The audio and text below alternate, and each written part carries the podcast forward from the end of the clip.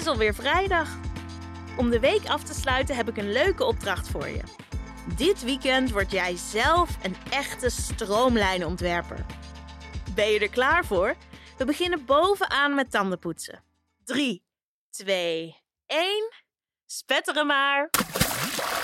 Inmiddels weet je dat gestroomlijnd design vaak gebaseerd is op heel precies onderzoek naar de natuur. Daarbij schikken ontwerpers niet terug voor wat naaperij. Veel dieren hebben immers een vorm of een huid die zwemmen of vliegen gemakkelijker maakt, dankzij vele miljoenen jaren van evolutie. Het is dus logisch dat wij mensen kijken of we die trucjes ook kunnen leren. Denk maar eens terug aan de bruinvis. Die vis die ze vroeger ook wel een zeevarken noemden. Le- lekker vroeten onder water. Weet jij nog voor welk ding mensen zijn vorm afkeken? Is dat voor een auto? Een trein?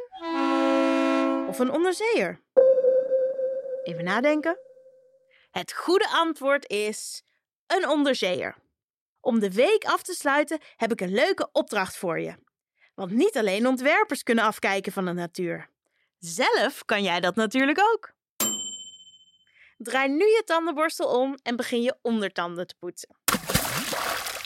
Ik ga zo een paar dieren opnoemen. Denk eens goed aan de vorm van hun lichaam. Misschien wil je die wel even opzoeken. Wat maakt hun vorm zo gestroomlijnd? Kun je deze vorm ook gebruiken in het ontwerp van een voertuig? Bijvoorbeeld een auto vliegtuig?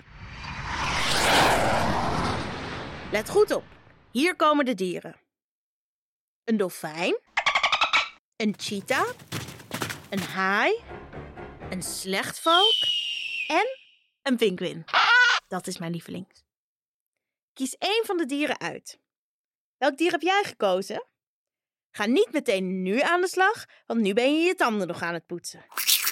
Maar pak dit weekend eens een stapeltje papier.